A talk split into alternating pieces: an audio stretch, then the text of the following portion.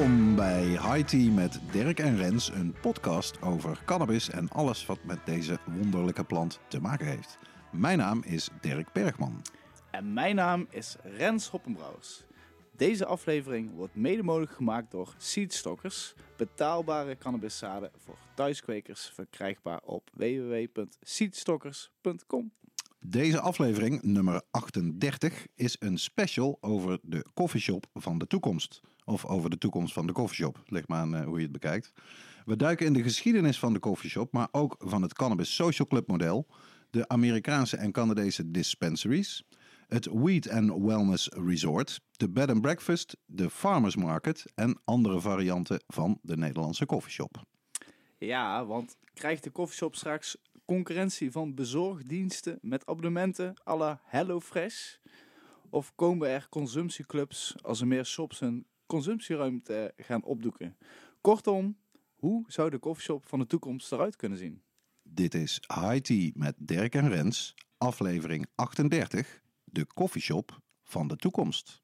Yes, en welkom allemaal weer bij een nieuwe aflevering van Welkom, de IT eh, Podcast. mensen. En eh, dit is een zeer speciale, aangezien we allebei eh, ook bezig zijn met iets anders. We doen eigenlijk twee dingen tegelijk in deze aflevering. we zijn Ja. eigenlijk aan het multitasken. En dat is, eh, eh, eh, dat is ook dat we samen eh, eh, jurylid zijn bij de High Life Cannabis Cup. Ja, En, ik, doe, eh, ik doe dat natuurlijk al een tijdje. Eh, ik weet niet eens, ik denk de vijfde keer of zo. En in het verleden heb je wel eens ge- geholpen of als second opinion of één categorie eh, gejureerd als ik in tijdnood kwam. Maar eh, ik vind het zelf ook heel top dat je dit, ja, vanaf dit jaar ben je ook full-fledged jury member van de High Life Cup. En eh, daar kunnen we het nog korter over gaan hebben natuurlijk in Ja. deze aflevering. Maar vooral, over eh, de koffieshop van de toekomst. Daar gaan we het uitgebreid over hebben. Ons, we gaan er even lekker over eh, brainstormen. En eh, nou, voordat we daarmee gaan beginnen, gaan we ook naar het nieuws. Maar als eerste naar de allereerste rubriek van de dag.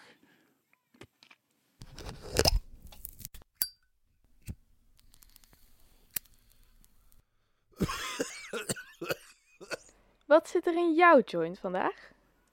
Nou, dat is lief dat je het vraagt. Want eh, eh, op dit moment weten we het allebei eigenlijk niet. Dat is ook een grappige cluster. eh. we kunnen enkel schuilnamen noemen. Eh, voor alle leden van de jury van de High Life Cup geldt dat natuurlijk. Je krijgt een aantal samples in verschillende categorieën.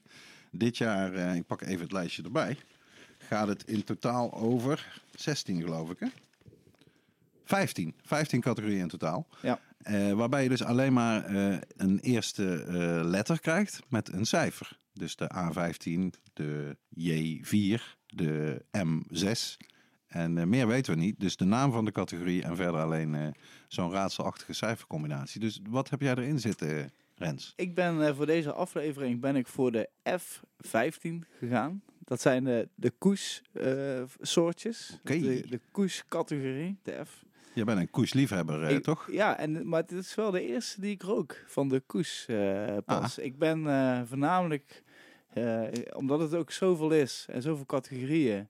En ik een weekje of anderhalf later ben dan een gemiddelde jurylid. Je had een late start, hè? Ik, ik was even afwezig. Ik, dus ik moet het nou goed maken. Dus ik- mijn strategie is gewoon de sativa's, dominante, die rook ik overdag. En dan de, de indica en de koessoorten, die rook ik richting de avond. Slim. Eh, nu ben ik een beetje aan het vals spelen, omdat ik nou alvast een koessoortje heb. Maar Eh. hè, ik wil toch hè, lekker dat smaakje, dat, dat gevoeletje. We zijn En toch welk, nummer is het? Eh, nummer 15. En ik heb, hem, eh, F15. ik heb hem zojuist aangestoken. Ik weet wel dat qua geur dat hij redelijk... Hij was lekker, hij was, was prima, maar was niet super dat ik dacht van... Woe! Maar ik steek hem nou op. En eh, de tweede hijs, of in ieder geval de eerste hijs. En toen kwam al, al een lekker smaakje naar boven. Dus dat Oké. is al vaak een goed teken. Absoluut. Dus ik, ik ben benieuwd. Ik, ik laat me eh, deze uitzending eh, zeer verrassen. De luisteraars kunnen meeluisteren in hoeverre het effect inslaat als een bom of voorbij drijft als een wolk. Precies, ja. En welke, welk nummer, wat voor categorie ben jij eh voor gegaan, Dirk? Ja, ik zit in de, dat is de grootste categorie volgens mij, de categorie J, die de welluidende titel USA-soorten heeft meegekregen van eh, de organisatie. Cliff Kramer, de hoofdredacteur van Soft Secrets, is de man van de High Life Cup. En eh, de soort die ik heb, of tenminste het nummertje wat ik heb, is de J18. Die ik op geur in ieder geval al een 8 geef. Maar ik ben vrij, ik ben altijd positief gestemd als jurylid. En eh, ik haal hem er niet meteen uit. Het deed mij een beetje denken aan eh, Critical. Wat eigenlijk niet overeenkomt natuurlijk met een USA-soort. Want dat is eigenlijk een Spaanse soort, een Baskische soort. En eh, hij rook lekker. Hij was een beetje hoest in het begin. En dat kan altijd twee dingen betekenen. Of er is iets niet goed aan, of hij is lekker sterk. Ja, zeer potent. En ik heb het idee dat het meer potentie is als iets anders. Want door de microscoop zag hij er ook netjes schoon uit, deze J18. Dus eh, daar doen we het mee, deze aflevering. Ja, dus wij gaan hier lekker eh, alvast tijdens het lullen, of lullen, excuses, tijdens het discussiëren en communiceren, Contempleren. nuttigen wij en gaan wij het heerlijk allemaal proeven. Ik hoop ook dat de luisteraar een lekkere joints heeft gedraaid. En dan gaan of we, een vaporizer heeft gevuld. dat mag ook, maar dan gaan we lekker naar het nieuws.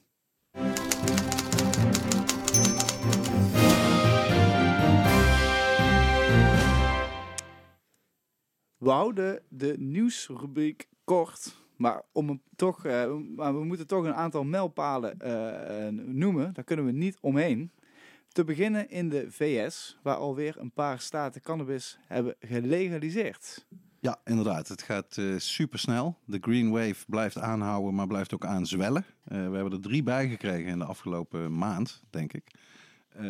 Ik pak hier even een artikel erbij, schitterende titel ook moet ik zeggen, van Vox.com. Van 20 april, 420, ook een leuke datum om zo'n artikel te publiceren. Eh, This 420 marijuana legalization has won. En eh, de intro luidt als volgt. This 420, the US is nearing a tipping point of sorts on marijuana legalization. Almost half the country, about 43% of the population, now lives in a state where marijuana is legal to consume just for fun. En eh, dat artikel gaat er onder andere over dat het heel snel gegaan is. Want inderdaad, tien jaar geleden, hoeveel staten waren er toen waar je eh, adult use had? Wat denk jij? Volgens mij nul. Nul, precies. Inmiddels zijn het er 17. Maar toen waren er volgens mij wel een aantal staten die dus wel medicinaal... eh, Absoluut. Ja, dat- dat was Californië al, was, de eerste. Al, in, al eh, 20 jaar of zo? Ja, in 1995, om precies te zijn. Proposition 215. Zo is het, ja. Daarmee is die golf eh, eigenlijk begonnen. En toen was het nog maar een heel klein golfje. Maar je kan nou inderdaad zien... eh, ja, met de verkiezingen in november kwamen er een aantal staten bij. Maar dit, eh, nu komen er gewoon staten bij die ook zonder ballot initiative... dus zeg maar niet naar aanleiding van een initiatief... wat door Echt een burger. gewone mensen, een burgerinitiatief... Ja. Maar door de legislation zelf, dus door de, ja, het, het, het bestuur, de politici van die staat. En New York is natuurlijk een heel belangrijke, die hebben er heel lang dus, over eh, gedaan. Maar ook. eh, New York, eh, je weet niet wat voor stad dat is? Of? Nee, maar, nee, maar ik ben gewoon enthousiast. Ik vind gewoon... Ik, ik, ik, ik, ik denk oh nee, dat... dit, dit is, deze is. Ja. Ja, dat is, voor de- natuurlijk, voor als we het niet weten. Sorry, ik haal Ja, het even door Het is elkaar. alweer even geleden. Hè? Dus, Ik score het sampletje één puntje hoger. Nee, maar New York is toch wel, toch wel de grootste... It's huge. het grootste En- nieuws. En Virginia vind ik zelf, eh, of dat is, hoe dan ook een enorme mijlpaal. Dat is de allereerste zuidelijke staat. Nou, eh, de meeste luisteraars zullen weten, het zuiden is niet het meest progressieve deel van de, de Verenigde Staten. En Virginia is natuurlijk een echte tabakstaat van eh oudsher. Vroeger had je Virginia Slim, bekend als Virginia Slime. en nou gaat dus die tabakstaat eh, massaal over op eh, cannabis, wat natuurlijk veel gezonder is en eh, veel gezelliger. Dus dat is echt geweldig. Ja, er zijn nu 17 staten waar het legaal is. En ehm, Fox schrijft erover showing even typically cautious politicians are embracing the issue. En dat is natuurlijk heel mooi. Zelfs politici die tot nu toe echt nog een beetje op de wip zaten, die bang waren dat de kiezers het niet zouden begrijpen als ze voor legalisering zich zouden uitspreken of daadwerkelijk zouden legaliseren. Dat is in Amerika voorbij. Het is gewoon beide kanten, eh, de Republikeinen en de Democraten, zien dat dit gewoon een eh, winner is, dit issue. Dus dat gaat super snel. Ja, goed nieuws, goed nieuws.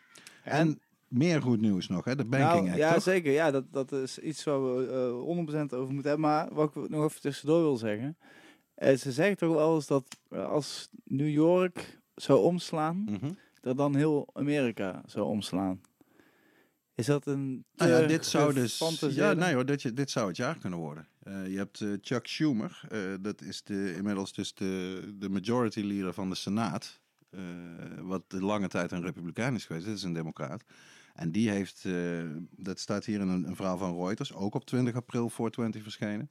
Eh, Senate Majority Leader Chuck Schumer, in an early April interview with Politico, said he would try to advance legislation legalizing marijuana use for adults. Dus dat betekent op federaal niveau. En dat betekent dat eh, die eh, Marijuana Opportunities, Opportunities Act, de MORE Act, die heeft al een meerderheid gekregen in het House of Representatives, zeg maar onze Tweede Kamer. En als de leider van de Senaat nou zegt, bam, ik ga er hard aan werken om te zorgen dat hij ook door de Senaat komt. Boom, dan zou er kunnen zijn nog Ja, dit jaar. Ja, want dit is inderdaad het tweede grote nieuws uit Amerika. Want, eh, wat het grootste probleem daar met de staten waar het dus wel eh, gelegaliseerd is voor commercieel of voor recreationeel Is een bankenprobleem. is inderdaad dat het alleen maar cash betaald mag worden. En eh, dus je krijgt dus dat bij elke dispensary staat ook een pinautomaat in die dispensary, waar je dus ter plekke kan pinnen. Maar je merkt dus voor de ondernemers is het heel onveilig omdat ze, eh, ja, ze moeten vaak met grote aantallen geld op, eh, eh, over straat. En ja, ze kunnen er geen hypotheek mee nemen. Eh, het, is, het is een heel groot probleem. En het grappige is dat hier in Nederland eigenlijk het tegenovergestelde probleem is. Helemaal gespiegeld. Ja, Ik heb hier een bericht van Reuters over die, eh, die Cannabis Banking Bill. Dat, dat is dus de Safe Banking Act. En daar staat gewoon bij dat the American Bankers Association has lobbied aggressive, aggressively for the Safe Banking Act bill. Dus precies tegenovergesteld van hier in Nederland. Waar ook de Nederlandse Vereniging van Banken er helemaal niets aan doet om te zorgen dat banken een beetje normaal omgaan met coffeeshops. Die gewoon een vergunning hebben hè, en alles netjes willen doen. Dat speelt op dit moment heel erg bij de coffeeshops. De Rabobank heeft gezegd, iedere coffeeshop die bij ons een rekening heeft, mag niet meer dan 8000 euro per maand contant opnemen. En zoals we allemaal weten, zolang die achterdeur niet geregeld is, moet jij je kwekers en ook je hash gewoon betalen, contant. Je kan het niet overmaken, want dan is het niet meer stiekem, zeg maar. Dus eh, ja, dat is, dat, dat is een bizar dat, dat een bank kan bepalen, je krijgt 8000 van je eigen geld. Want het is natuurlijk hun eigen geld dat op die rekening staat. En als je dan ziet dat in Amerika daar de bankenvereniging dus agressief lobbyt voor een, een wet waardoor er gewoon normale bankdiensten hè, beschikbaar zijn voor cannabisbedrijven, zien we in Nederland dus, eh, zoals wel vaker, dat wij precies de andere kant op wandelen. helaas. Helaas. Maar Meer nieuws. goed nieuws, ook uit Malta.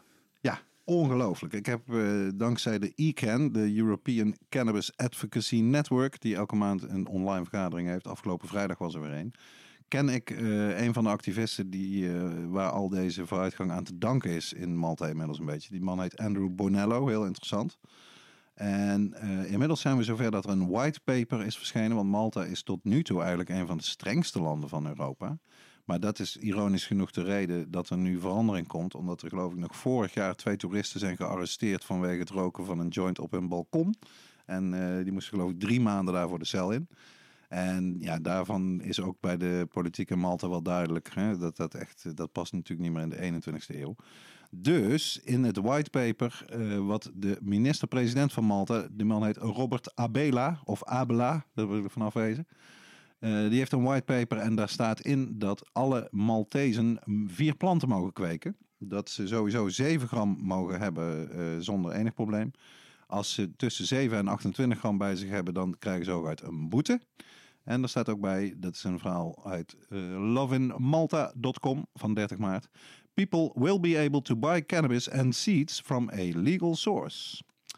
En dan staat er ook nog, Abela, dus de minister-president, said he is keeping his options open in this regard and will listen to public consultation, paving the way to the potential introduction of cannabis social clubs.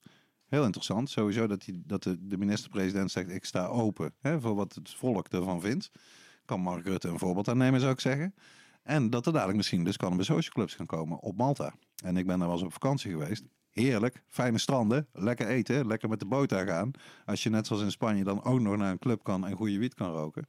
Ik zeg eh, Malta, eh, go Malta. Wanneer boeken we? Zeker weten. Dus ook dat eh schaar ik in de categorie goed nieuws. Ja. We hebben ook nog een categorie slecht nieuws. En een stukje nieuws dat we graag niet hadden willen mededelen. Maar ik vind dat we het eh, wel eh, moeten behandelen.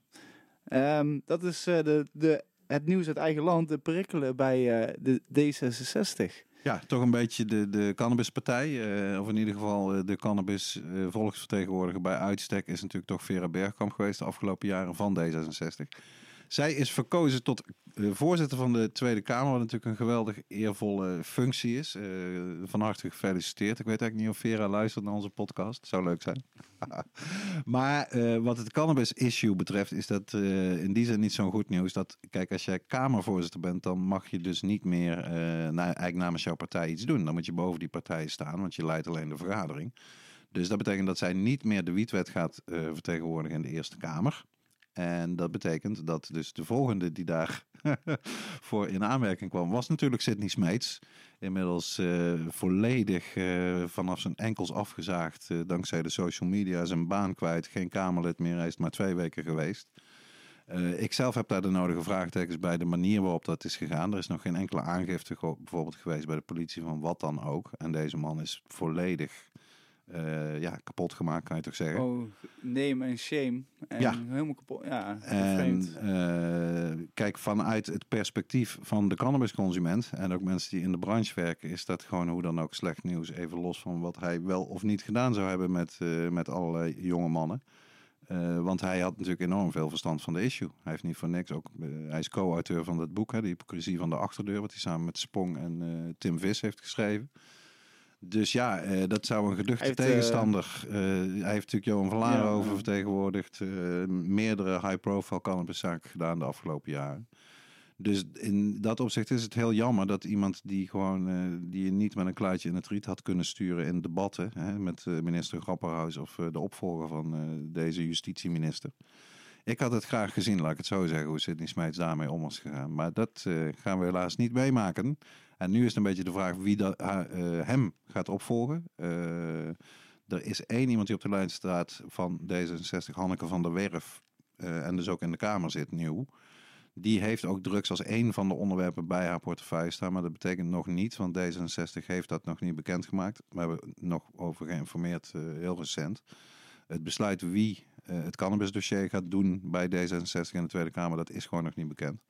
En dat is wel heel relevant. Want laten we hopen dat het iemand is die er net zoveel verstand van heeft als eh, Vera Bergkamp en Sidney Smeets. Ja, anders eh, kunnen we weer opnieuw beginnen. Maar het is wel zo, we zijn wel twee wietstrijders eh, in twee weken tijd verloren. het ging Dan, super snel, eh, ja. Toen eh, waren ze er en twee weken later waren ze er alle twee niet meer. Voor ons in ieder geval. Komt overigens, dat is ook nog een nieuwtje, een commissiedebat aan van de commissie Justitie en Veiligheid op 2 juni. Waar een heleboel coffeeshop en cannabisonderwerpen aan bod zullen gaan komen. Waaronder het verslag van de, het politiebezoek onder leiding van Pieter Tops, notabene, Onze grote vriend. aan Canada. eh, wat dus alweer eh, meer dan twee jaar geleden is dat hij daar naartoe is geweest. Dat wordt nu pas besproken in de Tweede Kamer op 2 juni. Maar ook het rapport monitorontwikkelingen, coffeeshopbeleid, eh, de monitoring en effectmeting van het experiment gesloten coffeeshopketen. Dus dat is iets waar ik zeker hè, als, als beroeps cannabisjournalist naar ga kijken. Ik denk zelfs dat ik naar Den Haag ga om dat live mee te maken. Dat is 2 juni van 2 tot 5, openbaar toegankelijk. Maar je kan ook via Politiek 24 meekijken daarnaar. Ja, zeer interessant. Het laatste nieuwtje is uit eigen land. Koen Simmers, hoofdbestuurlid van de Nederlandse Politiebond, geeft in een column van 13 april een tip aan het nieuwe kabinet. Haal het telen van wiet voor medicinaal gebruik uit het wetboek van strafrecht. Ja, dat was natuurlijk eventjes een opsteker. Zo, Eh, als fervent twitteraar eh, via het VOC Nederland eh, ken ik Koen Simmers al wat langer. En weet ik ook dat hij al twee gesprekken heeft gehad met kameraad Bart Hissink uit het oosten des lands, uit Goor. eh, over de thuissteelt van wiet, zoals Bart Hissink dat al jaren doet. Hè, na zijn eh rally-ongeluk, waardoor hij blijvende hersenschade heeft opgelopen. Zoals heel veel mensen dat in Nederland natuurlijk doen, ook voor medicinale doeleinden. En het lijkt alsof zijn eh, één op één lobby eh, met Koen Simmers toch echt wel eh, succesvol is geweest. Want hij draagt dit nu uit. En hij is hoofdbestuurder inderdaad van die Nederlandse politiebond. En zegt gewoon keihard, we zouden daarmee op moeten houden. Als patiënten wiet kweken zelf voor eigen gebruik, dan zou dat gewoon helemaal uit de strafwet moeten. Wat mij betreft geldt dat voor iedereen. Want wat is precies medicinaal gebruik? Wat is therapeutisch gebruik? Wat is gebruik voor je welzijn? Eh, ik vind dat je dat zelf mag uitmaken en niet de overheid. Ja, het is, maar het is wel zo, de eerste stap is bijna altijd medicinaal. In het buitenland zie je dat sowieso. Ja. Ja. En ik denk dat de, de strategie, dat, dat het hier ook heel goed werkt. Want wie gaat nou iemand zijn medicijn weigeren? En, Nou ja, eh, nu gebeurt je- dat dus wel. Eh, Ja. Mensen worden uit huis gezet zelfs. Ja. Zoals in Zeeland natuurlijk eh Philippe Rotier. Maar er zijn helaas meer voorbeelden van. Ik ga zelf volgende week op bezoek bij iemand die uit huis is gezet voor één plant. In mijn eigen, uit mijn eigen gemeente. gewoon, In hè? Good Old Veldhoven. Ja. Ja. Die woont nu op een vakantiepark. Robin heet hij. Eh, ik denk dat ik er ook over ga schrijven voor High Life. Want ja, voor één plant je huis uitgezet te worden... Zo, zo rauw hadden we hem nog niet gehad. Maar eh, dat gebeurt gewoon in Nederland. Ook tijdens de coronapandemie. Dat kunnen we ook nog wel eventjes doen. Maar laten we daar niet al te lang bij blijven hangen. Want eh, laten we het positief houden. Rens, hadden we nog iets voor de nieuwsrubriek? Of zijn we er doorheen? We zijn er doorheen. We gaan eh, lekker eh, door naar onze eigen rubriekje. Zeker weten. De koffieshop van de toekomst. De koffieshop van de toekomst. Het is eigenlijk, deze onderwerp is eigenlijk ontstaan eh, een, tijdje geleden. Toen ik eigenlijk vooral voornamelijk door de coronacrisis ook bij de coffeeshops, eh, of nou ja, crisis, laten we zeggen een, een omvorming van een concept. Je zag, je zag namelijk bij veel coffeeshops dat het altijd, eh, dat er altijd een gezellige plek binnen was, dat er een sociale functie eh, was, dat er dat je in ieder geval ergens op een warme, veilige plek in ieder geval een lekker jointje kon consumeren. eh, Samen. Dat, of samen. En je merkt gewoon dat nu de coffeeshops alleen toegankelijk zijn voor afhaal. Dat heel veel coffeeshops daar gewoon ja, best wel eh, genoegen mee nemen. En dat ze dat eigenlijk misschien ook wel nog wel prettiger vinden. Omdat ze toch denken, oh nou misschien praat ik heel erg zwart-wit, maar ik ga het toch even zo om even lekker de discussie aan te, te Gooi die knuppel in dat kippenhok. Je, je ziet dat coffeeshops het fijner vinden dat ze toch denken, nou ja, we, we, we, hebben, we kunnen toch doorgaan met onze verkoop van onze producten. Het geld, eh, komt eh, binnen. De, de main, de grootste inkomen blijft doorgaan. Eh, de, de, de, de, extraatjes wat we bieden, dus de zitplekken, de drinken, wat relatief weinig eh, inkomen eh, redene- reveneert, of hoe je dat ook noemt Genereert. genereert tegenover dus de cannabis zelf. Maar wel vaak veel meer moeite, omdat je, je hebt meer personeel ervoor nodig. eh, je moet het onderhouden. je, je, hebt af en toe wat lastigere klanten. Die Helaas misschien, weet ik er nog één. Je hebt minder risico dat eh, mensen die net doen alsof ze 18 plus zijn, maar dat niet zijn, er doorheen glippen. Denk ik. Nou ja, als ze eenmaal binnen zijn, dan zijn ze binnen. Of dat ze even afhalen, of dat ze blijven zitten. Nou ja, ze, kijk, als je een politiecontrole hebt, dan als ze langer blijven zitten, dan heb je Ja. langer kans dat je dat probleem eh, met een valse dat, ID. Hè? dat klopt zeker. Maar Ik vind het zelf, eh, ik weet niet, jij hebt nog niet je oordeel over gegeven, maar ik kan wel zeggen dat ik dat echt een, een, schrikbarende ontwikkeling zelfs vind. Daar gaat het om. nou ja, ik heb, ik heb het nog niet afgemaakt. Het is meer gewoon, nou ja, kijk, met, met Ik die, zit ook klaar met mijn ja. knuppel, hè? met die gegevens eh, en dan nog het bijkomende eh, nieuwsberichtje van onze goede vriend Arnoud. Die zijn koffieshop ook om heeft getoverd Klopt, ja. tot een dispensary. Volledig rookvrij. Ja, dus eh, alleen afhaal. Je, je kan er wel draaien, maar eh, je wordt wel... Nou ja, wat hij vertelde, ik had hem natuurlijk in de Canna stembus, waar we in de aflevering 37 natuurlijk, eh, dat was in de Canna stembus die aflevering. Ik heb Arnoud ook geïnterviewd daar in de bus en toen zei hij dat je daar wel edibles mag eten en dus daar ter plekke voor mag blijven hangen dadelijk na corona, of tenminste als het weer mag. En dat je mag vapen. Dat mag, maar je mag niet puur roken. Je mag niet roken, Ja. punt uit.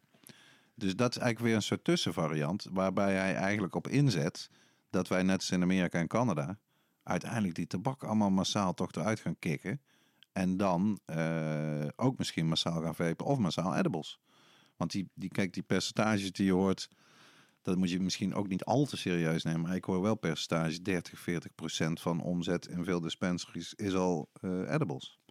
En ja, dan is het onderhand de moeite waard, toch? Ja, en als je dan nog steeds je cappuccinootje hebt en ook het sociale gebeuren, maar dan zonder roken, ja, dat, dat is dan nog wel goed. Maar puur afhaal, jezus, dan Ja, nou je kijk, dan dat is dus de vraagstuk van eh, hoe ziet de toekomst van de koffieshop eruit? Is het, eh, want kijk, eh, ik- Nou, wordt het een trend? Ik, zie het ook als ik kijk naar Barcelona of Spanje, hoe de social clubs werken. Mhm. Dus dat je toch, je moet lid worden. Je, je, je hebt vaak een, een een plek die niet zichtbaar is voor de buitenwereld, maar vaak een beetje neutraal is, afgeschermd. Ja. Geen last voor de over, de Super discreet. Super discreet. Maar als je binnenkomt, dan stap je in een mooie wereld eh, van, eh, van ja, cannabis connoisseurs. En kun je heerlijk lekker zitten, mooie plekjes, lekker eh, eten en drinken. Eh, ik, ik denk namelijk dat de coffeeshops van nu de huidige social clubs en de dispensaries gaan worden van de toekomst. Dus dat veel Dat een splitsing eigenlijk komt. dat, ja, dat er een aantal shops denken, ook met het rookverbod wat er komt, eh, Mhm. met het tabaksverbod en dergelijke, dat de shops denken, nou, ja, als ik, als, ik, als ik kan zorgen dat mensen lid worden van mijn club en ik kan ze dus, ze, ze kunnen dus bij mij binnen zitten door een deur die alleen dit eh, toegankelijk is door leden. Oké, maar wel dus- als onderdeel van de bestaande koffieshop. Ja, dat dus toch... Maar daar moet eh, je dan natuurlijk wel ook de ruimte voor hebben. Dat eh, zeker. Ja, maar die mensen, of de shops die vaak die de ruimte, die kiezen ook niet voor snel om echt een rookhok te maken. Mhm. die, zijn, die zijn er sneller geneigd naar om, om sneller gewoon een dispensary actief te ja. worden. En, en, en eh, voor daar. eh, en ik, ik was, ik was vroeger echt ook altijd, of vroeger, een aantal jaren, altijd wel heel erg positief over dispensaries. Maar nu ben ik wel bang dat als er alleen maar dispensaries daar gaan worden, nu de, de coffeeshops merken van, ah, De boerenjongensmodel. ja, de afhalen, dat ligt ons eigenlijk toch wel lekkerder. Dat eh, werkt eigenlijk veel makkelijker. Voor mensen die niet weten wat de boerenjongens is misschien.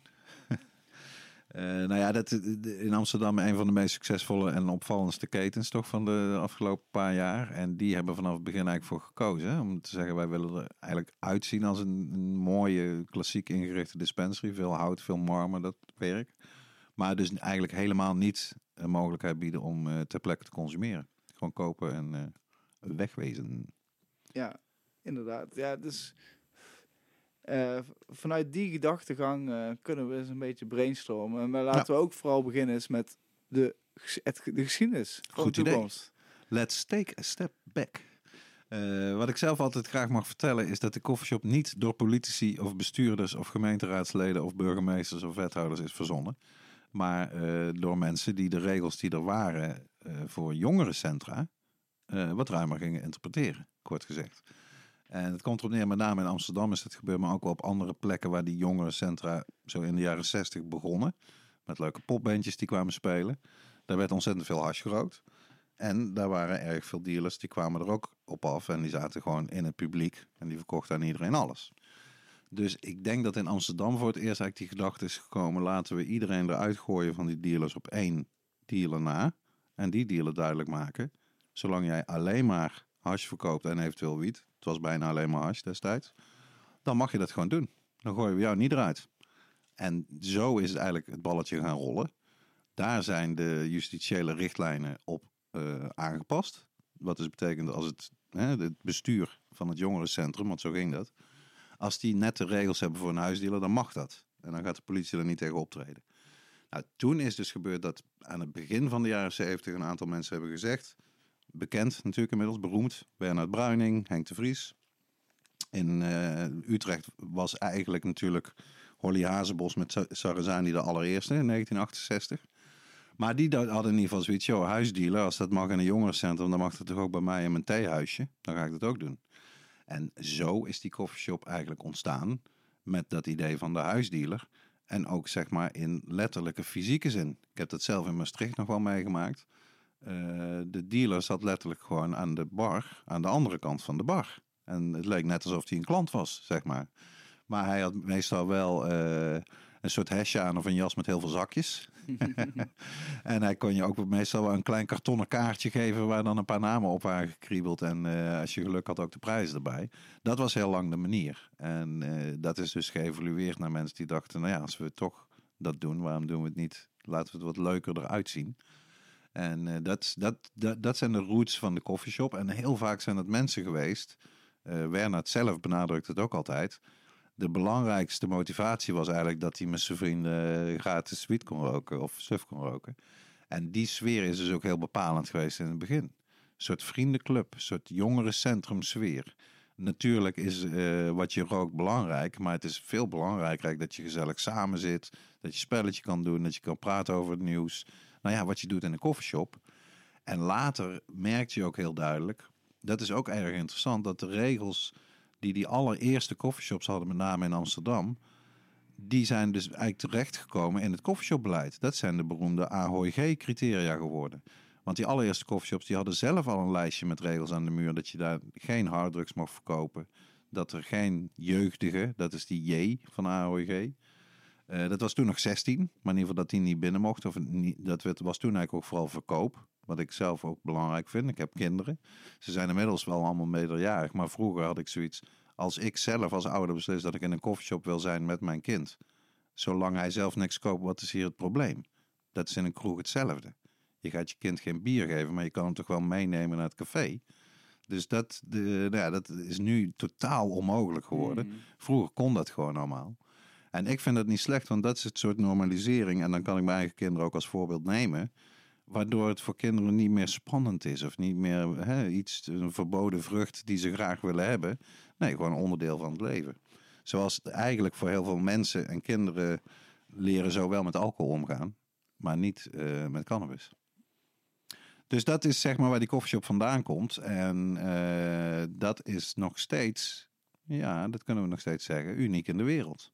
Het idee dat je dus een winkel in kan stappen met alleen legitimeren en niet clublidmaatschap.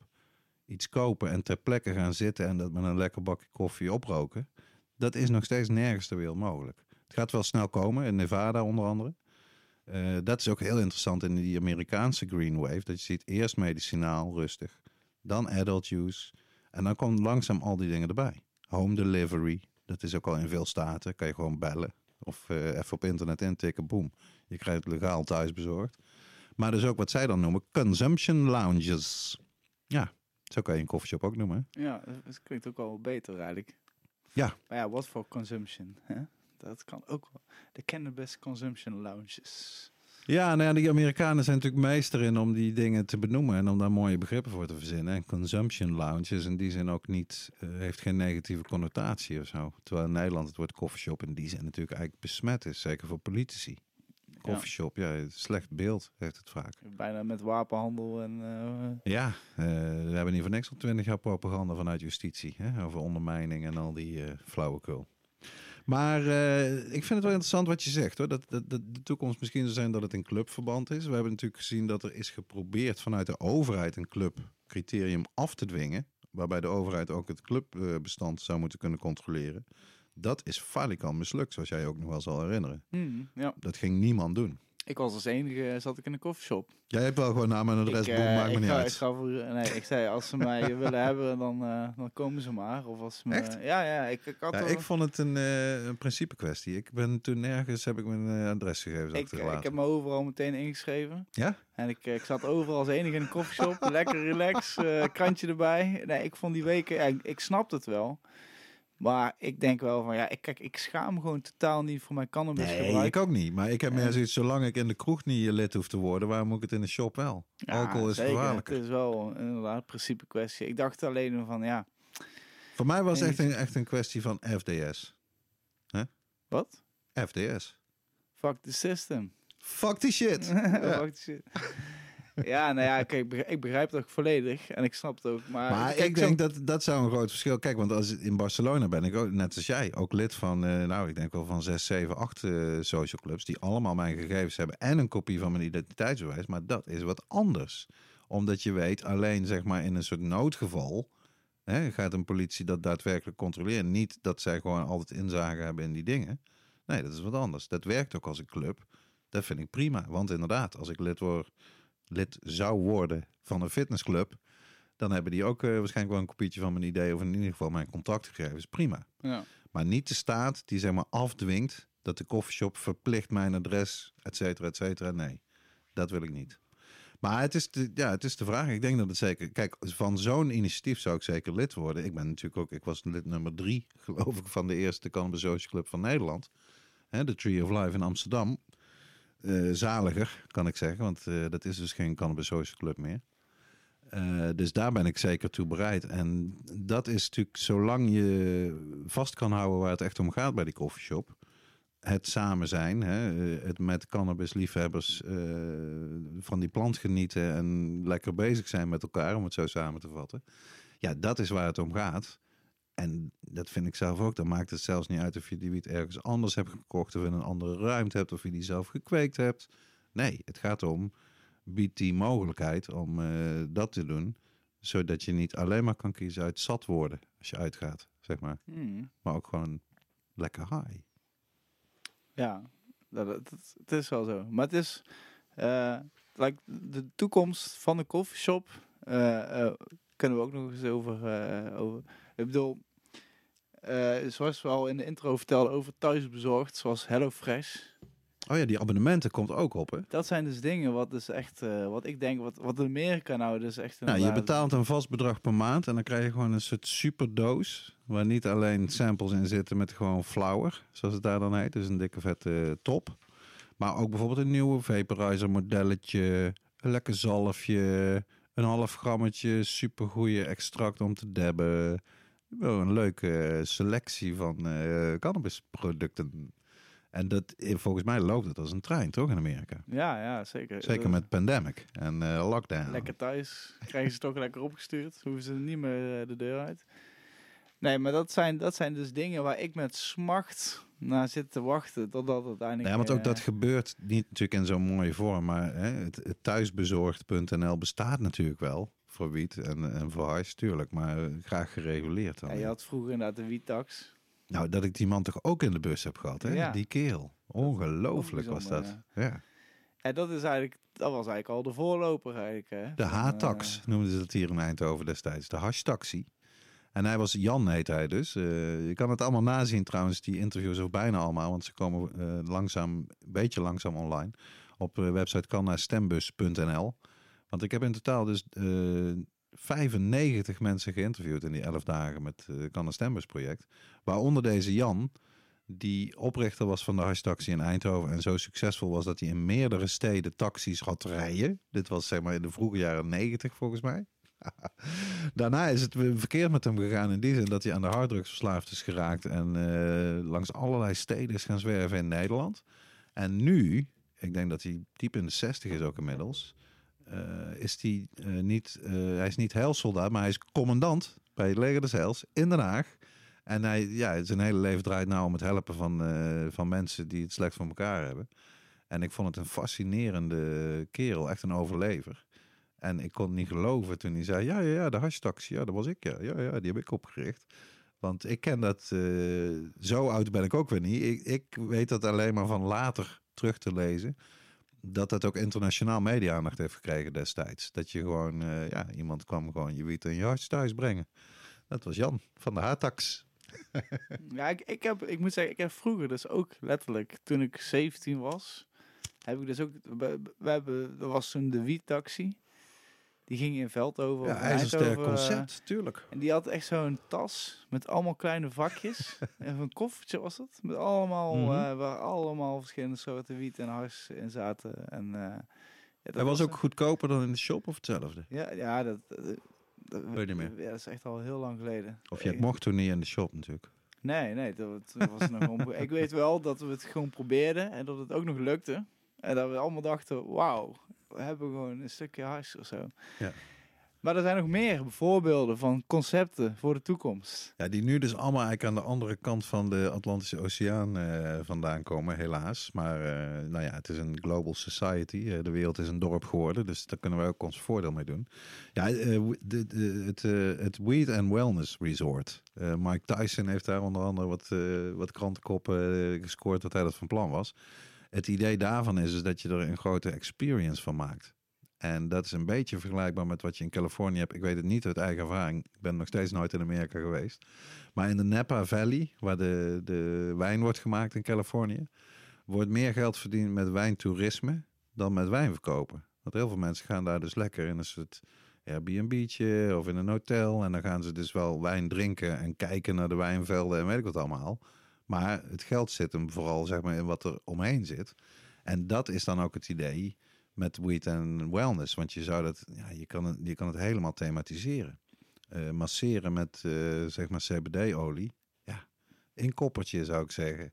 Eh, zo kan je alle dingen doen. Wat je kan doen met koken, of het nou infused eten is, waar je high van wordt, of gewoon hennep hè, als ingrediënt waar je niet high van wordt. Je kan het ook alle twee aanbieden. Mm. Dat past natuurlijk prachtig in zo'n concept. Dat je lekker gaat eten, dat je laat masseren, dat er eh, jacuzzi's zijn, dat je lekker kan zwemmen, saunaatje erbij misschien.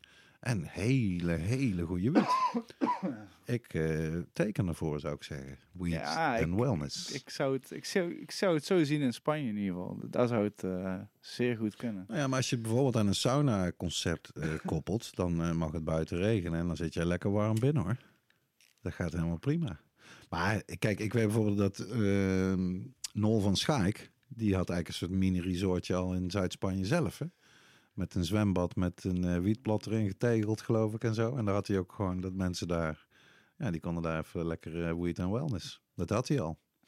Dus ik ben benieuwd eh, hoe snel we dat gaan zien. Want dat we het gaan zien, Malta, hè, we hadden het er net over in de nieuwsrubriek. Het komt eraan hoor. Maar waar? En dan ja, de bud and breakfast is eigenlijk, die bestaan al gewoon. Hè? Zeker in Colorado. Dat is gewoon een beproefd concept. Dat is gewoon, voor, dat noemen ze ook 420 friendly. Dat is ook een mooie term. En dat betekent gewoon, je kan hier blauwen, we vinden wiet goed, eh, alles top. Ik heb zelfs wel eh, verslagen gezien van mensen die dan in zo'n bud and breakfast, leuk hè, gingen logeren. En dan lag er zeg maar op het kussen, lag niet een chocolaatje wat in de duurdere hotels ligt. Nee, een lekker topje lokale wiet. Ja, dat is toch schitterend, Ja, mensen. Dat, is echt, eh, dat is een heerlijk toekomstbeeld om naar uit te kijken. Het is heerlijk. Ja, kijk, ik, ik denk ook de, de, de, de- door al die verboden en door al die regels en dergelijke, denk ik echt dat de coffeeshop langzaam gaat verwateren. Uitsterven. Ja, denk ik echt. Dat is Ja? mijn prognose. Oh man. Bi- Binnen nu en tien jaar. Dat, Echt? dat, de, dat de meeste shops eh, overgaan naar de dispensary. Dus Ja. ze gaan echt eh, kiezen. Ze hebben een mooie plek, eh, maar toch alleen afhaal. Eh, omdat ook te veel problemen met de rook is. En dat ze geen politieagentje willen spelen. Omdat ze geen jointje willen openmaken of dergelijke.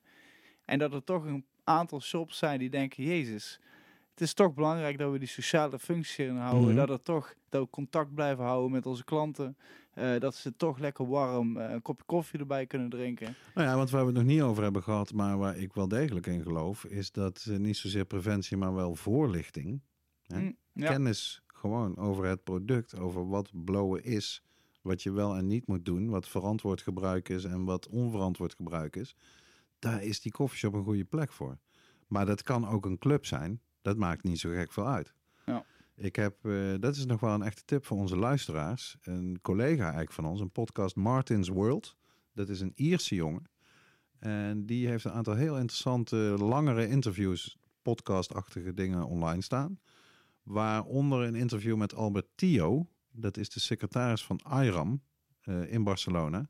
De eerste Cannabis Club waar ik lid ooit van ben geweest. In de straat van het Hashmuseum daar. Geweldige club.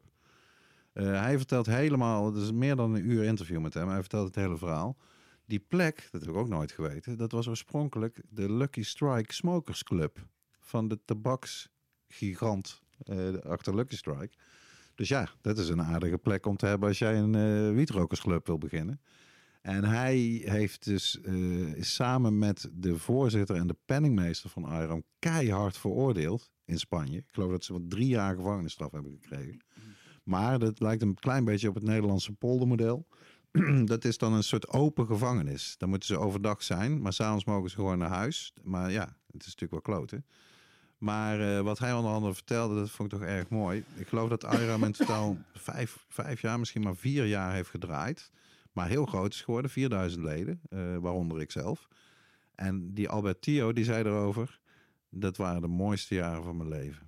Want eh, we waren echt aan het pionieren. Je kon alles doen. We hadden live muziek, filmavonden, sprekers die we daar doen. Alle activiteiten, politieke activiteiten rond cannabis. Dat was helemaal geweldig.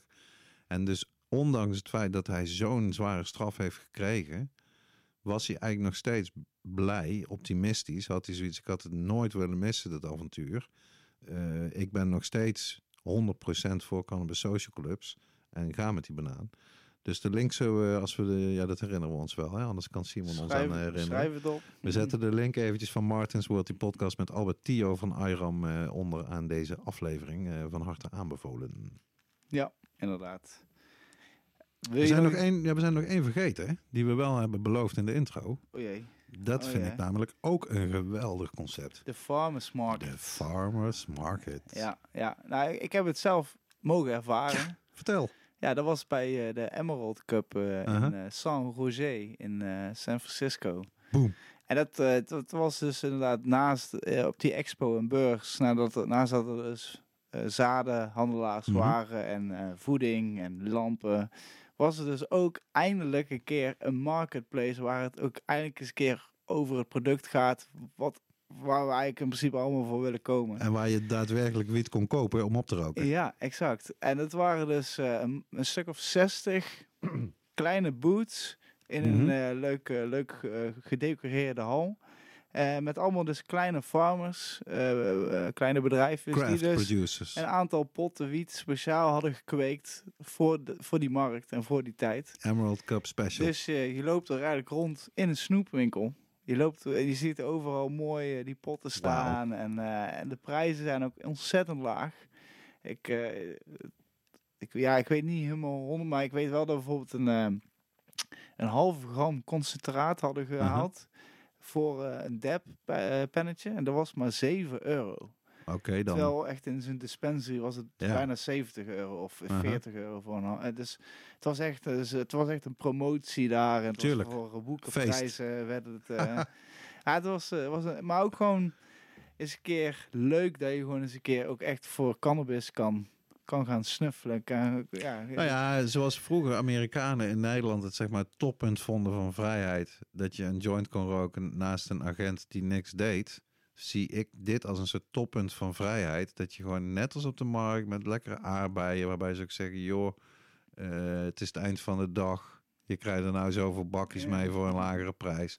Dat is echt een soort normalisering en vrijheid waar ik heel graag naartoe zou willen. En dat sluit ook heel mooi aan bij wat Doede altijd zegt. Doe het zoals alcohol. Iedereen mag kweken wat hij maar wil. En pas op het moment dat je gaat verkopen, dan moet je daar, hè, Kamer van Koophandel, de, de, de, de, het hele setje. Meer dan dat hebben we niet nodig. En inderdaad, als je mee wil doen aan zo'n farmers market, precies zoals dat is voor de markt voor groente en fruit, dan moet je wel ergens geregistreerd staan en je moet de boel niet blazeren en Een je weegschalen moeten kloppen en weet ik wat allemaal. Ja. Maar dat kan op dezelfde manier. Ja. Echt. Voor mijn part moet je elke keer als je dan iets koopt, moet je je ID laten zien. Weet je wel? Dat hoeft niet op de markt voor een trosje bananen. Dat zou dan wel moeten op de farmers market of nog makkelijker. eh, de toegang, daar word je gecontroleerd op je ID dat je wel die leeftijd moet hebben. Hoewel ik ook zou zeggen, eh, parallel aan wat ik eerder zei over de koffieshop. Als ik met mijn kinderen naar een markt wil waar ik zelf een paar leuke soortjes wiet koop voor het weekend. Wat is het probleem als mijn kinderen daarbij zijn? Nee, Ja. ik hoef jou niet te overtuigen. Rens. Ja, nou ja. ik, ik, het is, het is, ja geval- maar ja, daar zijn we nog niet.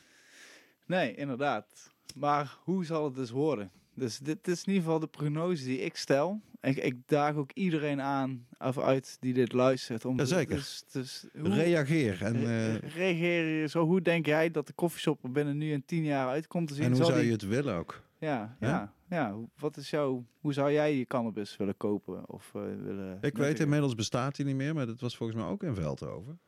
Eh Kastelenplein. Daar zat een sauna, daar ging ik wel eens heen met mijn vrouw. Geweldig was dat, omdat je daar makkelijk een hele dag kon doorbrengen. Want ze hadden ook een restaurant erbij en ze hadden een geweldige soort zaal met een dikke open haard waar je boekjes kon lezen met lekkere banken. Je kon in de sauna, maar ook in de weet ik veel wat allemaal, dampbadje, het verhaal. Eh, ja, zoiets combineren, dat, ja, ik zie het gewoon helemaal zitten. Ook omdat ik denk, dan kan je, zoals dat daar ook een beetje was, je gaat daar niet even een uurtje naartoe. Dat is iets wat je dan echt plant, weet je wel? Inderdaad, zoals een resort. Een dagje wellness. Ja, een dagje wellness plus, zou je kunnen zeggen. Wellness 18 plus. Wellness with benefits. Ja, ik juich iedereen toe om eh, die hier geïnspireerd raakt. Om, eh, om, Maar die eh, abonnementen, dat, dat, daar zijn we een beetje doorheen gevlogen. Misschien is het wel aardig om ons af te vragen, wat zou er dan, als wij zeg maar overgehaald moeten worden om lid te worden van zo'n pakketdienst Hello Hi, Wat voor soort dingen zouden wij in zo'n pakket willen, Rens? Wat, wat zou jij erin willen hebben?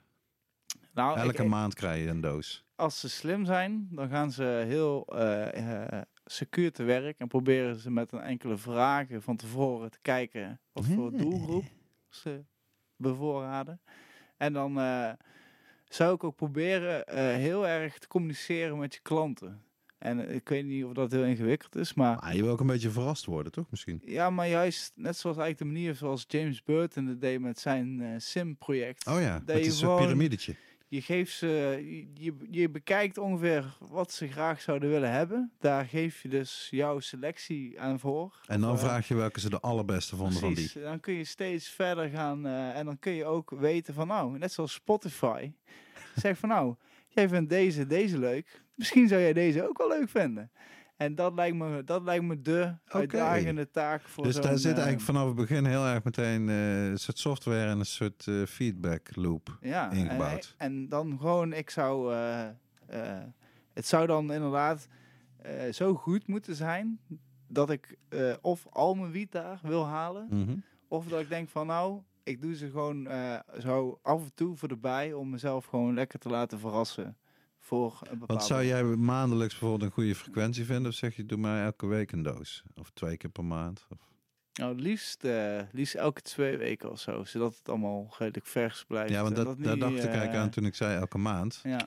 Zit je toch zo... Ah, nou ja, kijk, als het een mooie potje Goed is, kun je het verpakt. makkelijk eh, Ja. maand, eh, als je het in een, eh, in een dichte kast zet, geen enkel probleem. Ja, of die tins, hè? Heb je die, zie jij die al in Coffeeshopland? Want ik weet dat ze die in het diepe zuiden hebben. Bij, Ja, bij, Peter Hendricks. bij Dus Skunk relax en skunk. Ehm, nou, ik heb ze verder bij niet veel coffeeshops gezien, moet ik eerlijk zeggen. dat is met zo'n klik-klak sluiting. Die dus vacuüm worden dichtgeperst op het moment dat die wiet heel vers is. Ja, ik vind dat ook wel weer erg slim.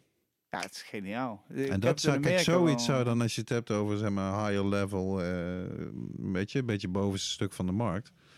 Ja, ik wil wel wat meer betalen als ik het dan in van die, als ik weet dat het gewoon super vers blijft. Vergeleken met het good old eh, plastic zakkie van de shop. Precies, ja, zeker. Nee. Maar denk jij, de- zie jij voor je, want het heeft natuurlijk ook met regelgeving te maken, eh, dat zoiets gaat bestaan dat het aparte bedrijven worden of dat shops zeg maar dit op zich nemen en dat je bij een shop die je al kent, hè, Greenhouse, Bulldog, noem ze maar op, eh, dat, je, dat je bij hun zo'n abonnement afsluit. Dat is een hele goede vraag. Ik, ik denk, als het natuurlijkste is natuurlijk dat een koffieshop op een gegeven moment de vrijheid krijgt. Ook misschien ook met Al deze corona. Om op een gegeven moment te zeggen, nou, ga het maar eh, thuis brengen. Maar ja, ik vraag me af of dat de overheid... ze- ze- ik denk dat ze heel veel beren op de, op de weg zien. Ja. In ieder geval van hoe gaan we de leeftijd controleren en eh, al die dingen. En nu, nu, ja, ik denk dat ze het heel eng vinden, maar ik denk wel dat het gewoon toekomstmuziek is. Eh, Mensen willen het graag, mensen willen gewoon gemak, Gemak, ja. mensen willen eh, bediend worden. Kwaliteit, En mensen willen verrast. Al moet ik wel zeggen, ik heb een tijdje lang zo'n HelloFresh abonnement genomen. Vond het echt helemaal niks. eh. dus, eh, want ja, ik kreeg gewoon, ik kreeg echt gewoon groente eh, wat gewoon al bijna over de datum was. Wat gewoon al, eh, waar je dacht van, jezus, eh dit is niet fresh. Jij dacht gewoon FDS. Ja, exact. Ja, daar heb je wel eens. hè. Nee, dus ehm, ik, ik, Maar goed, eigenlijk geef jij de koffieshop zoals we die nu kennen, dus nog maar tien jaar. En dan uh, sloes. Ik, Dat is waar, ik- maar nou, nou, niet de koffieshop. Dat ze, ik denk dat ze juist de koffieshop zelf om, ombouwen, Ja, transitie. zullen gewoon gaan transformeren, denk ik, eerlijk gezegd. Oké.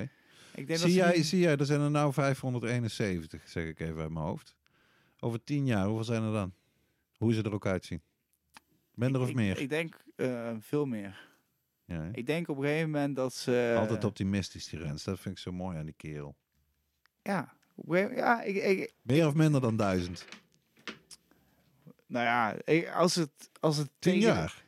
Nou, als het verdubbelt, zou al hebben we al een groot succes, denk ik. Dus meer dan duizend. Ja, Oké. we moeten wel... eh nou ja, kijk, als er zulke allemaal... Ik spreek je al- in als er zulke- 2031, Ja. dude. Ja, dit zou wel een mooie prognose. Het zou echt, zou echt ge- geweldig zijn als we over tien jaar hierover terug kunnen blikken.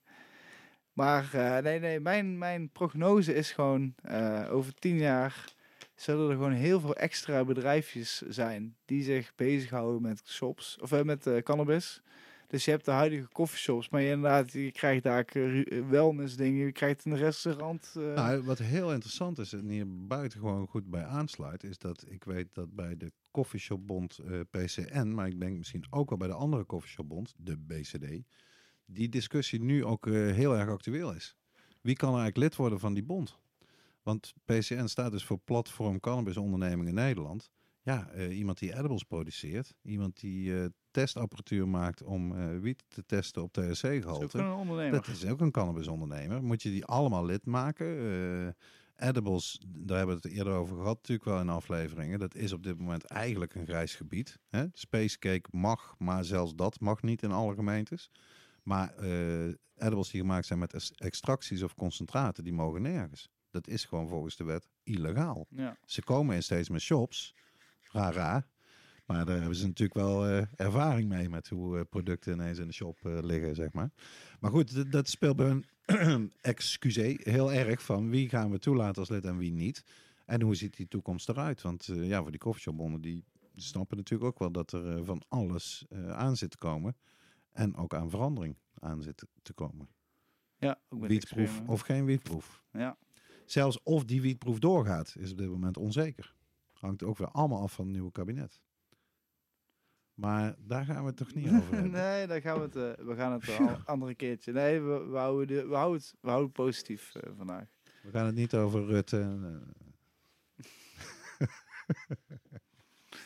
Nee, nee, we, we houden het, we houden het lief vandaag. We kunnen het wel heel kort. Sorry mensen, jullie springen zelf ook wel eens van de halk eh, op de tak. Eens het goede nieuws uit Duitsland. Waar de Groenen, die Groenen heet het daar, eh, nummer 1 staan in de polls.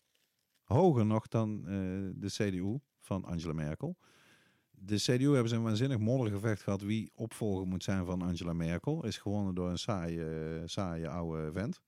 Die Groenen daarentegen hebben een geweldige, leuke, jonge, slimme vrouw die het gaat doen.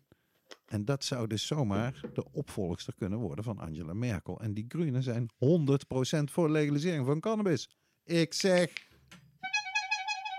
Dan gaat het supersnel, hè? Als zij het gaan doen. Ja, let's go Germany. Was ik eigenlijk nog even vergeten voor in de nieuwsrubriek. Maar ja, ja de, de, weet het, de samples zijn goed. Dus, De eh, samples zijn eh, alle twee, ik moet zeggen, die, eh, die J18.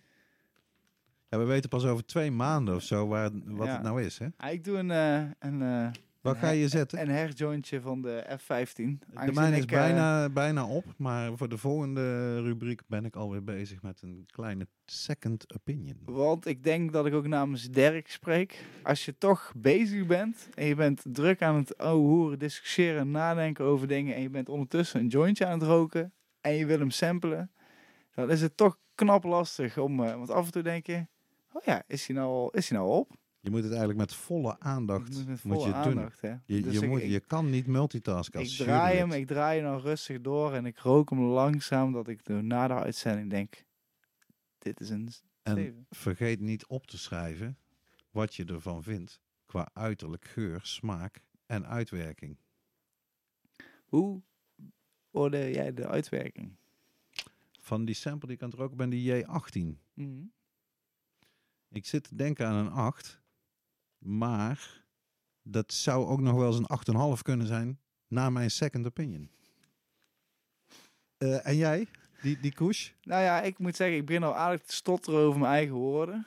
En eh, eh, dus qua effect kan ik hier ook wel... kijk, ik vind het moeilijk om te bepalen. Ik vind het qua effect vind ik de moeilijkste categorie, of de... de Ja, want dat is interessant. Bij de Homegrown Cup hebben jullie helemaal niet eens een categorie effecten. ja, omdat, ja, omdat wij van mening zijn dat je sowieso er wel stoned van zal worden, waarschijnlijk. En dat, ook, dat het ook niet het belangrijkste is om wiet te roken, of in ieder geval om... Ja, dat, dat het ook heel moeilijk is. Het is. Ik vind dat de moeilijkste manier...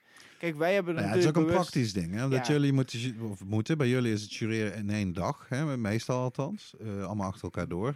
Met de High Life Cup hebben wij nou natuurlijk ja, bijna drie maanden geloof ik. Hè? Om totaal twee te maanden. doen. Twee maanden. Ja. Dus dan, dat heeft ook mee te maken. Dat, kun je ze lekker uitgebreid lang, lang uit elkaar Ja, want het is toch, nou ja, dat weten we ook. eh dus was aan, aan bod gekomen bij speekseltest en dergelijke. Eh, het effect, echt het echte effect van cannabis duurt meestal toch niet meer dan een uur of drie, hooguit vier. Nou, als je dan dus over de dag heen eh, rookt, dan kan je wel, wel vrij goed merken, oké, dit, dit effect hakt erin, hakt er niet in, is fijn, is Voel wat ik voor mij-. Nou ja, wat ik een keer heel duidelijk had met een, eh, met een Gorilla Glue eh, sample, bleek achteraf, dat ik er lekker poetserig en actief van werd. Dus ja, je hebt een dat soort, is ook mooi, hè? je Ja. hebt een soort sativa high, maar dat lijkt, het lijkt wel of, of het nou een terpeen is of ik weet niet waar het precies door komt. Maar bij sommige soorten wiet, als je die aan het roken bent, dan denk je, hmm, ik ga eens eventjes dit eh, poetsen. Ik ga eens even een afwasje doen. Ik ga eens even lekker eh, soppie dit, soppie dat. Nou ja, dat zijn natuurlijk de leukere sampletjes. Ja, dan, dan weet je ook dat het werkt. Nee, Ja. ik, ik, ik probeer inderdaad altijd te kijken of dat ik onzichtbare zweetdruppeltjes op mijn voorhoofd krijg. Dat is bij mij de teken dat ik echt een zeer potente... Dan denk ik, oh man, ik ben zwaar aan het zweten. Maar dan, dan Nou, en, ik kou- en koud krijgen, heb je dat niet ook? Beetje rillerig. Ja, Kan ik ook wel eens hebben van eh, als hij stevig erin ja had. nou, ik moet zeggen, ik, ik hou sowieso eh, van warmte. Dus ik heb altijd een dikke trui aan en de verwarming op 30 graden. Dus eh, qua rilling is bij mij moeilijk te krijgen vaak. er wordt weinig gerild bij jou thuis. Nee, maar het is, we, we zijn hier ondertussen de tweede aan het draaien. Ik ben wel blij dat ik al opgeschreven had hoe, de, hoe de geur nou was. Want dat is ook iets, hè. als je hem gegrind hebt, dan is eigenlijk net even het goede moment om eh, te ruiken. Dus als je dat weer vergeet, Als je hem dan weer erin gooit. dan denk je, ah damn. Ja, Maar ik had hem volgens mij, ja, ik had hem niet heel hoog gescoord hoor, op geur. Hij moet het niet zo van de geur hebben, deze J18. Alhoewel, nee, toch ook een 8. Nou, nou mensen, ga lekker. nou maar hopen dat hij ook zo smaakt zoals hij ruikt. Hè. Dan, eh, dus dus jij, jij vertelde dat vaak jouw samples qua cijfers eh, van hoog eh, naar laag gaan. Dus, eh, Ja, Vaak ziet het er echt looks- prachtig uit. Weet je wel, het is mooi, mooi gedroogd, mooi geknipt. Dat is allemaal top. Het is echt 8,5 à 9 materiaal. En dan, de geur is dan vaak ook nog wat te doen. Maar daarom ben ik ook, begon ik een beetje te, stij- te, te, te stijgeren toen je zei, ja, effect is niet het allerbelangrijkste. Kijk, uiteindelijk, at the end of the day, wil je je toch lekkerder voelen door wat je rookt. En is dat voor mij ook wel het belangrijkste. Het liefst heb ik dat het heerlijk smaakt en dat het goed ruikt en zo. Maar ik, het effect is voor mij wel eh, leidend in die zin. En dan zie je dus vaak dat het afzakt. Dan valt de smaak qua roken is toch niet, sluit niet helemaal aan bijvoorbeeld bij wat je rookt. Dat je denkt, hmm, dat gaat lekker eh, smaken. maar dat is niet altijd zo. Soms wel. En, en nou klinkt het echt heel erg als een wijnproever. maar jij zal het herkennen. Sommige echt goede wiet, echt turpy shit, die heeft gewoon een nasmaak. Je blaast uit en je proeft nog vol op die smaak. Ik weet niet waar die blijft hangen. Ergens in je gehemelte of eh, ergens. Maar je proeft het wel. Je kan een beetje nasmaak. Dat, ja, en dat hebben weinig, vind ik hoor, tot nu toe, want ik ben nog niet doorheen. Maar weinig samples hebben dat, die sterkte Ja, van die, smaak. die wow-effect wat je wil ja, hebben. precies.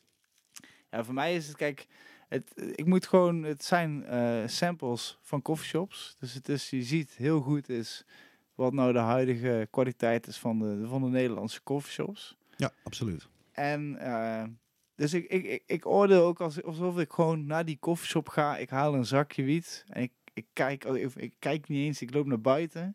En op het moment dat ik op mezelf ben, kijk ik naar dat zakje. Dat moment, hè. En dan denk ik, oké, ben ik genaaid of ben ik niet genaaid? Weet je wel? Dat is de basisvraag. Dat is eigenlijk de, ja, kan ik ermee door? Heb ik hier, eh, stel je voor, ik zou hier... eh, Dan X- komt de vraag, ga ik hiervoor terug? Ja, ik zeg, nou ja, het begint, ja, sowieso doe ik dat. Kijk, eerst, dus de looks, ga ik dan denken, nou, wauw, dit is eh, aardig, dit is mooi. Ze hebben er energie in gestoken, Ja, precies. liefde. Aandacht. En dan inderdaad de, de geur. Dat is voor mij ook, ik vind voor mij geur en smaak zijn voor mij duidelijk het aller, allerbelangrijkste. Ja, misschien als je iets beoordeelt. Nee, maar ook voor eh, eh, als ik iets rook, dan eh, zal ik er nooit naar kijken van, oh, ben ik er goed stoned van geworden? Of wil ik Dus jij bent begonnen met de CBD-soorten in de zak. Nee. Want daar word je niet stoned van. Nee, maar kijk, eh, voor mij is de smaak en de geur. En voor mij zijn bijvoorbeeld de Koes en de Indica en de, de eh, USA, die hebben vaak voor mij de meeste terpenen. En de, de lekkerste eh denky, gassy geurtje. Maar als er niks zou gebeuren in je hoofd, dan vind je het ook goed. Nou, hoe, hoe bedoel je? Ben ik nou Als het de smaak heel lekker is, weet je wel. Oh, zo, ja. Dat je er, oh, ja. Nou, het, kijk, het is het entourage effect. Snap je? Dus als ik er eh, niet, als ik niet per se heel stoned van word, dan denk ik, nou, dit is wel een lekker jointje. Kan, die kan ik dan overdag lekker roken. Als ik heel stoned voor, denk ik, nou, dan moet, moet ik toch mee oppassen met deze. Die moet ik toch, eh, die moet ik niet eh, in het begin van de dag roken. Dus voor mij, Ik zal hem nog wel eens een keer in de oude doos stoppen. Er is een prachtig verhaal van Kees van Koot uit de jaren 70 waar iemand helemaal lyrisch is over een bepaalde soort eh, wiet. En dat komt dan eigenlijk ook neer op wat jij net zegt. Weet je wel? Ja, grappig. Maar die houden we nog een keer te goed voor in de oude doos. ja, Speaking of which. we gaan ook gewoon is het door. daar niet tijd voor? We gaan lekker door voordat het daar twee uur duurt. Ik zeg, gas erop. De oude doos.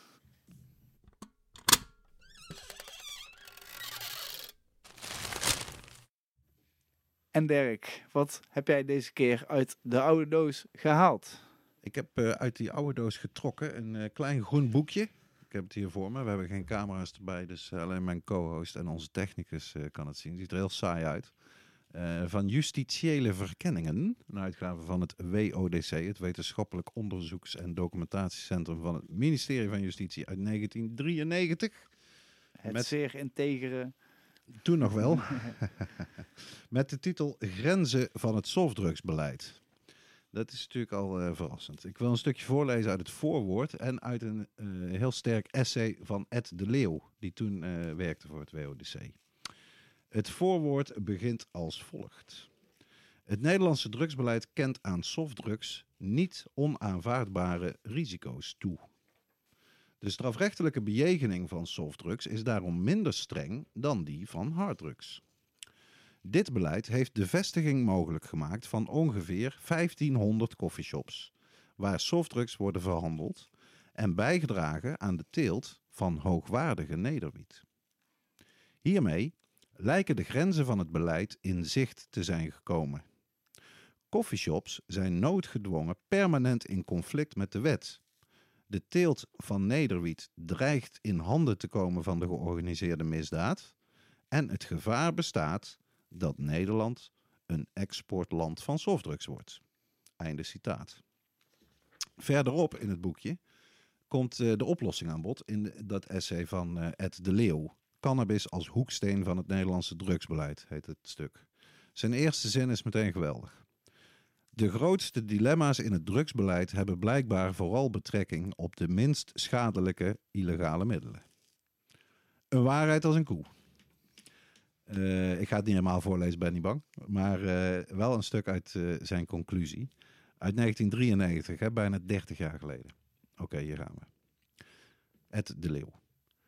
De laatste optie voor toekomstig softdrugsbeleid tenslotte bestaat uit een consequente voortzetting en ontwikkeling van het tot dusver gevoerde normaliseringsbeleid.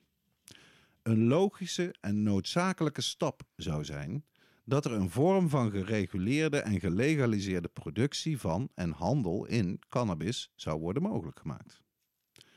Vanuit drugspolitieke overwegingen zou de uiteindelijke legalisering van cannabis niet alleen logisch, maar ook wenselijk zijn. De nu bestaande pseudo-legaliteit van cannabis heeft een belangrijk nadeel. Onder deze regeling is enerzijds de beschikbaarheid van cannabis maximaal, tussen haakjes in de steden vrijwel altijd een koffieshop op loopafstand, terwijl anderzijds cannabis min of meer in de deviante hoek wordt gehouden. In zekere zin zijn hiermee de nadelen van zowel prohibitie als legalisering gecombineerd. Principiële normalisering van cannabis, legalisering, zou hieraan een einde maken. Ik zou bijna zeggen, amen, brother. Dus ik weet niet of hij nog steeds daar werkt, ik denk het niet, uit de leeuw. Nee, die Maar zal wist nou wel ontslagen zijn. Ze wisten dus in 1993 al eh, wat de oplossing was en hoe je dat zou moeten doen en ook waarom. en waarom, waarom is, hier, is hier ooit iets mee gedaan? Of, Nee. Het is ongelooflijk eigenlijk, hè? Dat Ja. ze toen al gewoon zeiden van laten we het alsjeblieft gaan legaliseren. Ja.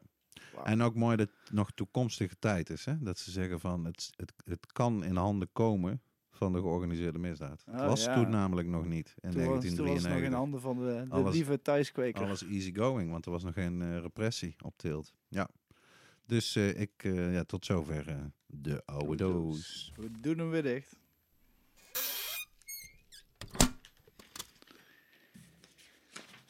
Jazeker. Blijf erbij, eh Rens. Kom op. Ja, je bent, ook, je bent hem bijna, je bent bijna Ja, ik dicht. ben klaar. Nee, zeg, ik, ik wacht even tot het geluidje dichtging. Eh, we moeten wel even onze jingles respecteren. Zeg, eh, Absoluut. Tot de laatste seconde. Nee, we gaan door eh, naar reacties van luisteraars. Jazeker. En deze keer hebben we eigenlijk twee leuke berichtjes eh binnen gehad. Die wij ik ook. al- allebei willen benoemen. De ene is eh, eh, een, een persoonlijke boodschap en de andere is een technische kwekenvraag. Die wellicht wij kunnen beantwoorden, maar anders ook de luisteraars thuis. Wellicht kunnen ze nog wat informatie meegeven. Ehm, welke, had je, welke zou jij als, als eerste willen horen, Dirk? Ik vond die over onze Oh, ja, geluidseffecten, vond ik wel... eh, ja. eh, Oh, nou krijgen we weer ruzie. Doe die maar. Yes. Ik, ehm, we hebben een hele leuke mail gehad van Joost. Hij, hij vertelt: eh, Beste Dirk en Rens, ik ben sinds een paar weken een nieuwe luisteraar. Ik geniet erg van jullie show en, en de langzaam stoned wordende Rens die heerlijk struikelt over zijn woorden. Ik lach je toe, Rens, want ik heb dat hetzelfde, zeker in het Engels. Ik heb in zeer korte tijd alle afleveringen begeluisterd en ik hoor jullie groeien in professionaliteit. Ik wil wel vragen of dat jullie de effecten eh, iets minder hard willen laten horen, want deze klinken zo hard in mijn oren. Te hoog contrast van gesprek naar effecten en terug. Mijn arme oortjes vinden dat niet zo chill. Maar ga zo door. Ik kan niet wachten op de volgende podcast. Succes en chill ze. Afzender Joost. Ja, geweldig. We zullen proberen aan te denken, Joost. Eh, dank voor eh, deze leuke reactie. Ik heb ook, moet ik zeggen, tijdens de Canna Stembus Tour heb ik ook een aantal luisteraars van de show mogen ontmoeten. Eh, veel stickers ook uitgedeeld aan de jeugd in de Stadskanaal met name, maar ook op andere plekken in Nederland. En dat is toch wel bijzonder hoor. Dus het idee dat we hier niet in de ruimte zitten te lullen, maar dat daadwerkelijk mensen aan het luisteren zijn en dat ook nog leuk vinden, eh, dat is altijd mooi om te horen. Dus bedankt daarvoor, Joost. Ja, zeker Ik denk dat we, ja, we, hebben, we zijn natuurlijk een tijdje vanwege jouw eh, tripje naar zuidelijker eh, gede- gelegen eh, landsdelen. We gaan zorgen dat er met seedstockers een leuk pakketje die kant Dat op wilde ik maar zeggen. Dat, ga- maar we hebben ook nog een andere inzending. En deze en die was gaan we ook eh, zorgen dat hij een, eh, een seedstockers pakketje krijgt. Maar gelukkig heb ik een, eh, heb ik een guru en professional tegenover me zitten. Kom maar op. Dit is een berichtje van Dries. Beste mensen, een vriend van mij heeft toevallig een topsoortje gekweekt van twee verschillende soorten. Nu, dit zaad is al meer dan 10 jaar oud en nu wil ik deze alsnog redden door een nieuw zaad van te maken. Nu heb ik nog nooit, eh, nog nooit een mannelijke plant gehad en dus ook geen pollen van dit zaad. Nu zou ik van een vrouwelijke plant, misschien ook gefeminiseerd, ik weet het niet, het bestuiven met collodiaal zilver om haar mannelijk te laten worden of, of terug hermafrodiet. Zo kan ik een andere vrouwelijke plant ermee bestuiven. Is dit een goed plan? Of is het beter dat ik de vrouwelijke plant bestuif met een andere soort, regulier zaad of mannelijke zaad? Kan je gefeminiseerd zaad mannelijke pollen laten maken? Vriendelijke groeten en een top podcast. Altijd een plezier om te horen. Groetjes, eh, Dries. Ja, dat gaat eh, diep eh, de techniek in. Dat zijn eigenlijk twee vragen. Zijn, dit is een, een ingewikkeld mailtje. De, de tweede vraag vind ik lastig te beantwoorden en moeten we misschien laten liggen voor als we weer een echte plantdokter, professor of expert in de uitzending hebben. En we hebben er een paar op ons lijstje staan, hè, dus dat gaan Ja. we snel doen. Ja. Maar de eerste vraag eigenlijk over het redden van die plant, van die soort waar je alleen zaden van hebt. Zeker als dat al meer dan tien jaar oud is, ga ik er even vanuit dat het reguliere zaden zijn. En dan is het appeltje eitje erg makkelijk. Het enige wat je dan hoeft te doen is ze gewoon uit eh, laten groeien. En de mannetjes laten staan. In plaats van wat je altijd doet, eh, dat je ze weghaalt. Dan bestuift hij zichzelf. En dan heb je plenty, plenty zaad van die soort. Eh, het zou kunnen dat ik het verkeerd begrepen heb. En dat het, dat het wel vrouwelijke zaden zijn van 10 jaar oud. En dan kom je eigenlijk op die tweede vraag. kan je gefeminiseerde planten eh, mannelijk zaad laten maken of stuifmeel laten maken? Dat weet ik niet. En ik denk eigenlijk wat hij voorstelt dat dat geen goed plan is. Ik denk dat je sowieso niet met die chemicaliën thuis moet werken, zeg maar. Maar ik stel voor dat we die tweede vraag, kan je dat op een andere manier wel doen? Die laten we even liggen voor als we een, eh een top-expert. Want ik ben natuurlijk een amateur, hè, in de letterlijke zin van het woord, een liefhebber. Ik heb er niet voor gestudeerd en ik heb alles door eh, trial en error eh, geleerd. Dus door Mm. heel veel fouten te maken. Ja, la- laten we hopen inderdaad dat hij gewoon zaden heeft die gewoon tien jaar Als het reguliere zijn, goed, dan eh, dat- kan je gewoon, dan zitten de helft zijn mannetjes en laat ze gewoon uitgroeien. Dat is makkelijk. Dan zie je ook vanzelf voor de eerste keer hoe een mannelijke plant eruit ziet. En dat komt neer ook voor de thuis mee, te- meeluisterende thuisstelers, buitenkwekers. Eh, een eh, mannetje krijgt op enig moment in de oksels, dat is dus zeg maar bij de stam eh, en waar, de, waar de takken beginnen. ofwel kleine balletjes zie je daar verschijnen in de voorbloei. Ofwel een klein haartje, een meeldraad in feite, die je later dus heel veel gaat krijgen in de bloemen. Als je ziet dat dat balletjes zijn, er zijn veel foto's van te vinden op internet, dan weet je, oké, dat is een mannetje. En normaal gesproken haal je die dus weg. Maar in dit geval, als je zaden wil maken, dan laat je hem staan. En dan eh, bevruchten eh, ze elkaar. Ja, liefst niet, bu- on liefst the balcony. buiten, want anders bestuif je ook de buren. Dat is een hele goede tip, ja. Eh, zeker als je weet dat je buren ook buiten kweken, dan moet je echt heel voorzichtig zijn met mannelijke planten en stuifmeel. Want het kan tot wel 200 meter de planten in de nabije omtrek bestuiven. En dan heb je boze, boze buurtgenoten. Ja, En ja. dat moet je niet willen. Dat moet Nee. je niet willen. precies. Maar we gaan deze vraag, eh, die, die, die gooien we in de koelkast. Ja, en Eh, in ieder geval sturen we alvast eh, een pakketje of laten we dat sturen door de kind sponsor van deze aflevering, seedstockers.com. Dus dankjewel voor je inzending. Ook iedereen die zit te luisteren denkt, ik heb nog een interessante vraag of een leuke suggestie of een bijzondere gast. Of, eh, Of mensen die voor de allereerste keer wiet aan het kweken zijn dit jaar. Hè, of sinds de corona-pandemie. En die naar aanleiding daarvan eh, vragen hebben. Die zijn allemaal welkom. Ja. Eh, de domste vragen zijn vaak het beste. Dat eh, heb kunnen altijd hele geleerd. leuke discussies. zijn zeer verhelderend. Dus eh, schroom niet als je vragen hebt of tips hè, voor andere mensen die thuis kweken. Eh goede technieken, goede handige dingen. Deel ze met de Haiti podcast en wij kunnen ze eh, verder de wereld insturen. En waar mogen ze naar sturen, voordat we het daar vergeten? Ja, ik denk per mail hè, naar Ja. ons welbekende mailadres. Info at podcast en podcast met een T at gmail. .nl. Oh, nee. wel ja. .nl. Ja, dus eh, even overnieuw. Info at en podcast met een T geschreven. Maar Of- je- reageren in de comments kan ook. Kan, je kan op elk Kan medium allemaal. waar wij deze podcast eh, uploaden, kun je ook reageren. En die komen allemaal bij ons binnen. Dus, eh, Rens die houdt het allemaal bij, exact. zodat ik dat niet hoef te doen. Geweldig Rens. Bravo. Dus eh, dat was de reacties van luisteraars. Dan gaan we naar onze favoriete en laatste eh, rubriek. Waar we allemaal op zitten te wachten. De wijze woorden.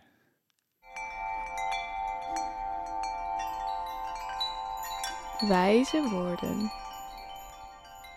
Moet ik wel oppassen dat de jingle niet langer is dan de rubriek zelf. Want ik heb een eh, prachtig citaat, moet ik zelf zeggen, van Mahatma Gandhi gekozen. Maar het is heel kort. Dus luisteraars, eh, let goed op. Misschien herhaal ik hem nog een keer, maar hier komt hij. Civilization is the encouragement of differences. Jazeker.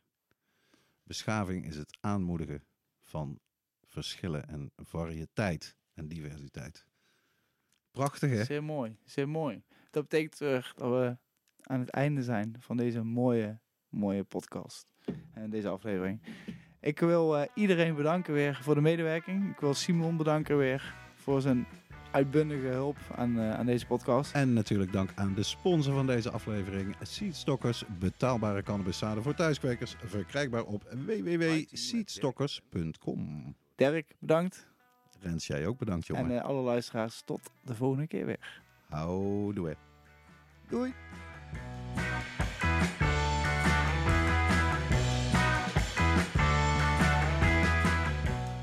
High Tea met Dirk en Rens wordt gemaakt door Dirk Bergman en Rens Hoppenbrouwers. Deze aflevering werd mede mogelijk gemaakt door Seedstockers, betaalbare cannabiszaden voor thuiskwekers, verkrijgbaar op www.seedstockers.com. Onze tune is Marijuana van de band Moon. Beluister hun muziek via iTunes en Spotify. Volg Haiti op Instagram, at Haiti met een T. Of mail ons naar info